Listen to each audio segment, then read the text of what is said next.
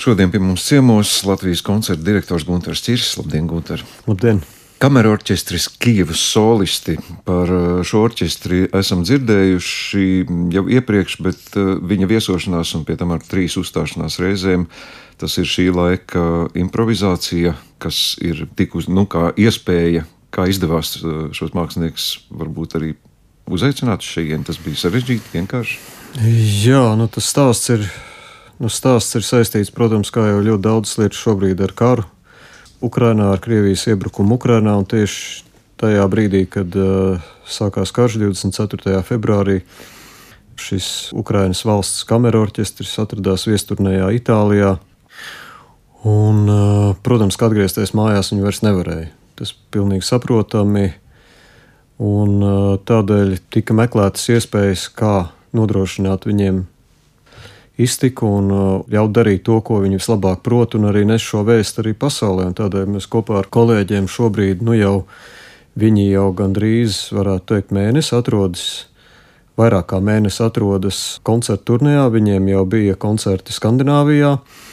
Vakar bija pirmais koncerts Lietuvā, un tad no 16. aprīļa līdz 23. aprīlim viņus uzņems Latvija, pēc tam viņi dosies uz Igauniju un tad atkal uz Skandināviju.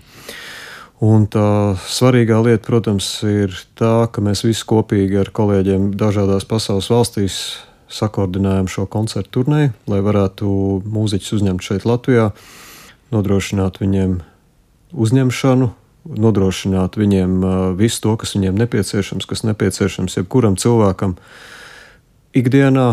Jo viena lieta ir, kad cilvēki dodas mākslinieku koncertu turnīrā uz nedēļu vai pat uz mēnesi tas ir kaut kas pilnīgi cits, bet tad, kad uh, notiek dzimtenē šāda traģēdija, ka tur ir tuvinieki, draugi un mākslinieks ir prom no mājām, tā ir pilnīgi cita veida prombūtne un cita veida arī piedalīšanās koncertos, arī cita veida psiholoģisks stāvoklis. Kā jūs koordinējāt visu šo lietu ar kolēģiem Lietuvā, Igaunijā, Skandināvijā, ar pašu orķestra vadību? Kā viss šī komunikācija vispār izveidojās, kā to bija iespējams sakārtot? Nu, protams, ka mēs, tie, kuri nodarbojas šajā profesionālās muzikas jomā, esam viens ar otru ļoti labi pazīstami. Šā vai citādi, katrā ziņā nu, tādas vēstis par kaut kādām lietām, kas, kas mums visiem kopīgi ir svarīgas, viņas ļoti ātri nonāk un cirkulē. Un līdz ar to šī ziņa faktiski tā uzreiz nāca tuvāk jau no, no skandināvu kolēģiem, jo, jo Dānija bija pirmā, manuprāt, kur atsaucās, jo ne, Vācija bija pirmā, jo pēc Itālijas Itāļi sazinājās uzreiz jau ar vāciešiem, tālāk ar skandināviem un ar mums. Uh, nu, tā loģiski, lai varētu plānot šos koncertus vienu aiz otru, nu, lai tie pārbraucieni nav pārāk gari. Un, un, nu, vienkārši vērsās pie visiem ar šādu jautājumu, ar šādu priekšlikumu. Protams, ka visi atsaucās. Un, Un šie koncerti arī Skandināvijā, kas ir bijuši arī, arī pieņemšanas gan pie Zviedrijas karaļa un, un daudzās citās vietās, arī visaugstākajā līmenī. Kā, protams, visi iesaistījās zibenīgi, zibenīgi sadalīja šos datumus, un es Protams, ļoti ceru, ka orķestris varēs atgriezties mājās iespējami drīz. Uz to mēs visi ceram, ka beigsies karš Ukrajinā, bet, protams, ja būs tāda nepieciešamība, mēs uh, uzņemsim atkal šo orķestri. Nu, atšķirībā no daudziem bēgļiem, kurus Latvija un citas valsts uzņem, lai dotu viņiem to, ko jūs teicāt, pajumu, ēdienu un iztikas minimumu, šie nu, nav uzskatām tomēr par bēgļiem, un viņi dod ļoti ievērojami pienesumi arī mums, mūsu klausītājiem. Jo šie patiešām ir augsts raudas mūziķi, kuru koncerts nemaz varbūt citos apstākļos nebūtu tik viegli norganizēt. Šī tā ir tāda ļoti izņēmuma situācija. Ko jūs varat teikt par Kijavas solistiem? Kāds ir šis orķestris? Orķestris ir izcils un ne jau velti viņa nosaukumā ir solisti. Faktiski nu, šis uh, orķestris, ja mēs paskatāmies uz viņu stāstu, un uz viņu sasniegumiem beidzamos gados, tad faktiski mēs varam redzēt uh, šo milzīgo Ukraiņas izrāvienu gan visās jomās, kas saistās ar tautsēmniecību, ar, ar daudzām lietām, tā skaitā arī ar mākslinieku izaugsmu, ar mākslinieku iziešanu pasaulē. Un šim orķestram ir ļoti plašs saraksts ar koncertu zālēm, kurās viņi ir koncertējuši, ar dažādiem apbalvojumiem, ko viņi ir saņēmuši. Un te tiešām ir 15 izcili mūziķi, katrs pats par sevi var būt solists, un to mēs arī priekšnesumā dzirdēsim, kur viņi katrs spēlē kādu solo epizodi. Un, protams, neatkarīgi ne no kā tas būtu, mums ļoti liels gods uzņemt šo orķestru arī bez šīs situācijas. Bet šobrīd, protams, tas viss ir savijies daudz citādi, un faktiski orķestris pilda tādu pašu misiju, kā pilda karavīrs savā vietā, šobrīd aizstāvot Ukrainu. Mūziķis pilda to tādā veidā, kā viņš to vislabāk prot, tas ir spēlējot citiem, stāstot par savu zemi, un tādā veidā vienkārši pildot savu pienākumu un savu uzdevumu.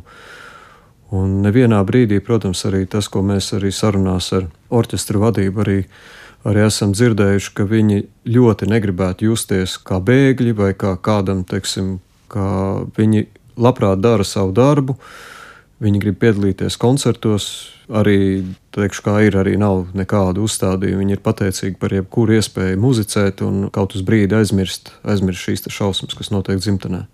Trīs uzstāšanās, ja 18. aprīlī Lieldienu koncertā, un tāpat arī Cēsīs, Pētera Vaskā mūzikas festivālā šīs programmas, es pieļauju, tika mainīts, tad 19. aprīlis ir uzskatāms par viņu solo performanci. Tas būtu galvenais viņa koncerts šajā reizē.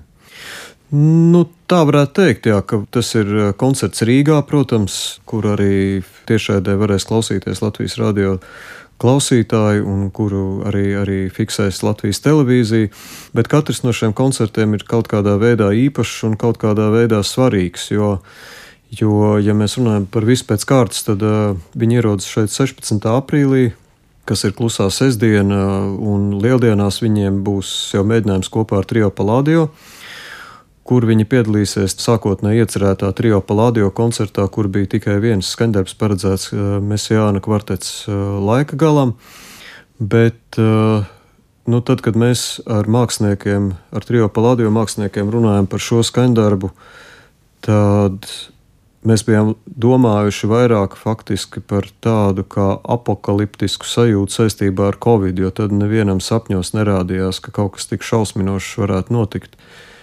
Un, nu, ja man jāsaka, laikam maz ir skaņdarbi, kuri visspilgtāk parādītu šī brīža traģēdiju mūzikā un cik Mesijāns tolaik atrodoties koncentrācijas nometnē, kad viņš sarakstīja šo skaņdarbu, cik viņa vēstījums ir bijis atbilstošs tieši šodienas situācijai un šobrīd tam vaiprātam, ko izraisījusi Krievija.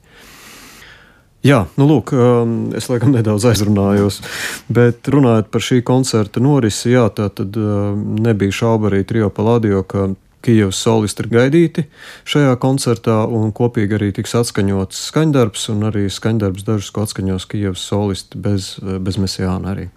Šajā koncertā. Jā, nu 19. aprīlī jā, šāds koncerts tātad tiek veidots pilnīgi no jauna, kā šī orķestra solo koncerts, varētu teikt tā, lai gan arī tur būs uh, viesmākslinieki, arī ukraiņu pianists, kurš šeit ir ieradies, šobrīd atrodas muzicē šajā koncertā. Un uh, ir Ukrainas orķestrim, Kijavas solisti repertuārā kāda ukraiņu tautas dziesma, kas stāsta par tieši par karavīru došanos karā, nu, kas ir līdzīgi tā kā, kā mums vai no eskarā aiziedams vai, vai karavīri bēdājas, nu, tāda, tāda rakstura dziesma, kuru viņi spēlē instrumentālā versijā, taču Latvijas radiokora vīru grupa piedalīsies, lai varētu nu, šo dziesmu izpildīt arī atskaņojot tekstu. Nu, lūk, tā kā pārējie orķestri spēlēs gan Silvestro mūziku, gan Mendelsona mūziku, gan arī nu, mums jau zināmo skorika skaņdarbu melodiju, kurš jau kļūst ārkārtīgi populārs. Varētu teikt, ka, šobrīd aiz Ukraiņas himnas ir populārākais Ukraiņas skaņdarbs. Nu, lūk, tā kā 19. aprīlī vairāk muzicēs tieši Kievas solisti.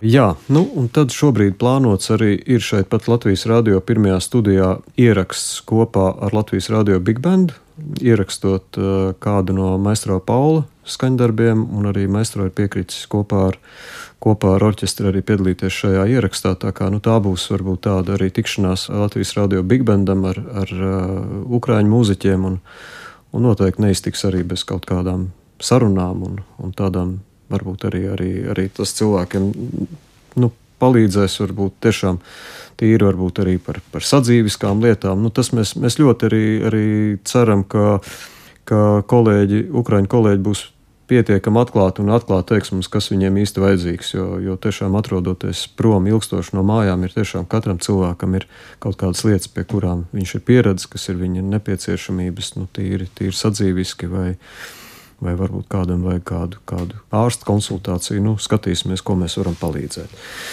Nu, lūk, jā, un tad 22. aprīlī jau pa ceļam uz Igauniju orķestris dosies uz Cēsīm, kur Vidzemes koncertzāle Cēsis ir laipni piekritusi arī pieņemt viņus pie sevis, un, un tur jau viņi muzicēs vienā koncertā kopā ar pianistu Reinu Zariņu. Protams, ka mēs visi zinām to, ka notiek bezgalīgi daudz dažādas akcijas, kas palīdz Ukraiņiem gan Ukrainā, gan Latvijā.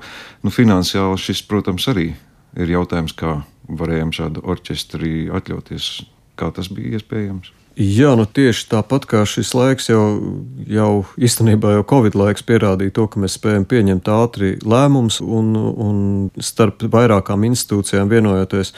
To arī gan organizatoriski, to bija viegli pieņemt, koordinējot uh, šo darbu kopīgi ar vairākām koncertu organizācijām dažādās pasaules valstīs. Bet jāsaka arī paldies kultūras ministrijai, kuri ļoti ātri uztvēra šo problēmu un ļoti ātri piešķirtam finansējumu. Un, protams, arī piedalās ar savu pienesumu gan Jūrmālas pilsēta, gan arī Cēlā pilsēta. Tā kā jāsaka, šeit viss notika ļoti operatīvi, ātri, un paldies visiem tiem cilvēkiem, kuri pieņem šos lēmumus. Paldies, Gunter, par šo sarunu, un paldies arī par šo iespēju ieguldījāt darbu, lai mēs nu, šoreiz kā klausītāji varētu arī izbaudīt uh, Kīvas solistu muzicēšanu. Latvijas koncerta direktors Gunters Cirs bija studijā, bet šobrīd esmu sazvanījis Kīvas solistu māksliniecisko vadītāju Anatoliju Vasiļkovski. Halo! Здравствуйте, это Анатолий Васильковский.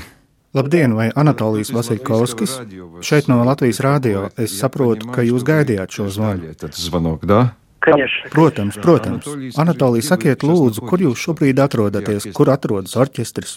Оркестр сейчас находится... Orķestris pašreiz atrodas Viļņā, Lietuvā. И как вы чувствуете себя там? Un kā jūs šobrīd jūtaties?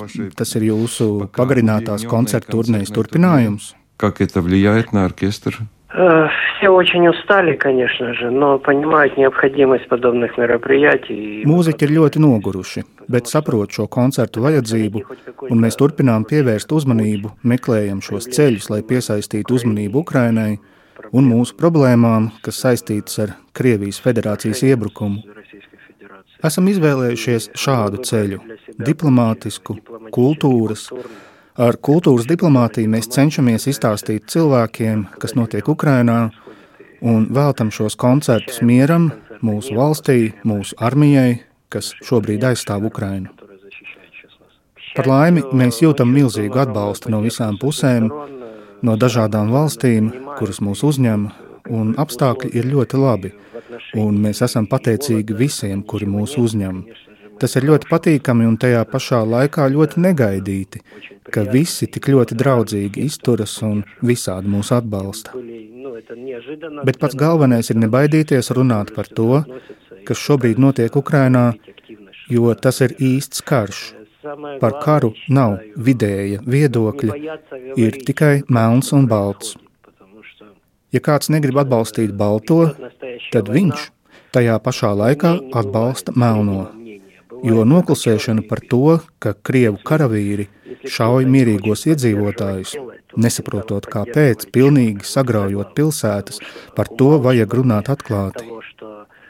Kā jūs domājat, kāpēc daudz Eiropas orķestri atteikušies no Krievijas māksliniekiem, no Krievu mūzikas? Eiropā jau tagad notiek informatīvais karš, no Krievijas federācijas puses, lai noskaņotu cilvēkus draudzīgāk pret sevi. Tajā pašā laikā viņi Ukrainā dara briesmīgas lietas, zvērīgas lietas. Lūk, par to ir atklāti jārunā un nevajag baidīties. Tas ir galvenais šobrīd. Об этом нужно совершенно открыто говорить и не бояться этого. Вот это главное, я считаю. Все-таки вы будете музицировать, как повлияла эта ситуация на... Kā šī situācija iespaidoja jūsu orķestra repertuāru izvēli? Kādu autoru skaņdarbi skanēs koncertos? Мы считаем, что музыка должна объединять людей, э, направлять их на сотрудничество и Es uzskatu, ka mūzikai ir jāapvieno cilvēki, tai jāveicina sadarbība un arī miers. Mums bija pasūtījums koncertiem Itālijā, kur bijām sagatavojuši programmu ar krievu mūziku. No tās mēs esam atteikušies, un tagad mums ir Eiropas mūzika, Eiropas komponistu šedevri, kā arī dažādu laikmetu ukraiņu komponistu mūzika. Tas nozīmē, ka būs dzirdama ukraiņu mūzika, kas Latvijā līdz šim nav skanējusi. Būs divi mūsdienu darbi - Aleksandra Šimko un Valentīna Silverstova skaņdarbi un ukraiņu tautas mūzika. Skanēs melodija, kuru šobrīd mūziķi bieži izpilda, jo tā ir veltījums dažādu karu upuriem kritušajiem. Mums ir arī ukraiņu komponists Maksims Berezovskis, kurš mācījās kopā ar Mocartu Boloņas mūzikas akadēmijā pie viena un tā paša pedagoga. Tā ir tāda Ukrainas mūzikas saikne ar Eiropu. Un Berezovski tā arī sauc par Ukraiņu Mocartu, tāpēc, ka pēc darbu stila un mūzikas rakstura viņi ir ļoti līdzīgi. произведений тоже он такой же, ну, очень близкий. Они очень близки были. Спасибо, Анатолий, за этот маленький разговор. Я Paldies, Anatolija, par šo nelielo sarunu. Varu jums teikt, ka klausītāji, mūzikas cienītāji jūs ļoti gaida Latvijā. Patiesas prieks, ka mēs dzirdēsim jūsu muzicēšanu ne tikai koncertzālēs, bet arī šeit, Latvijas radio. Mēs satiksimies tuvākajās dienās. Paldies jums! Спасибо вам. Спасибо огромное за предоставленную возможность. Liels paldies par iespēju informēt par mūsu koncertiem radio klausītājus. Liels paldies visiem par atbalstu. Paldies tiem, kas organizē šo koncertu turnēju. Организовал этот тур. Большое спасибо. Спасибо. Paldies, Anatolija! Uzredzēšanos! До свидания. Sazvanījos ar Kīvas solisti, māksliniecisko vadītāju Anatoliju Vasiljkovski.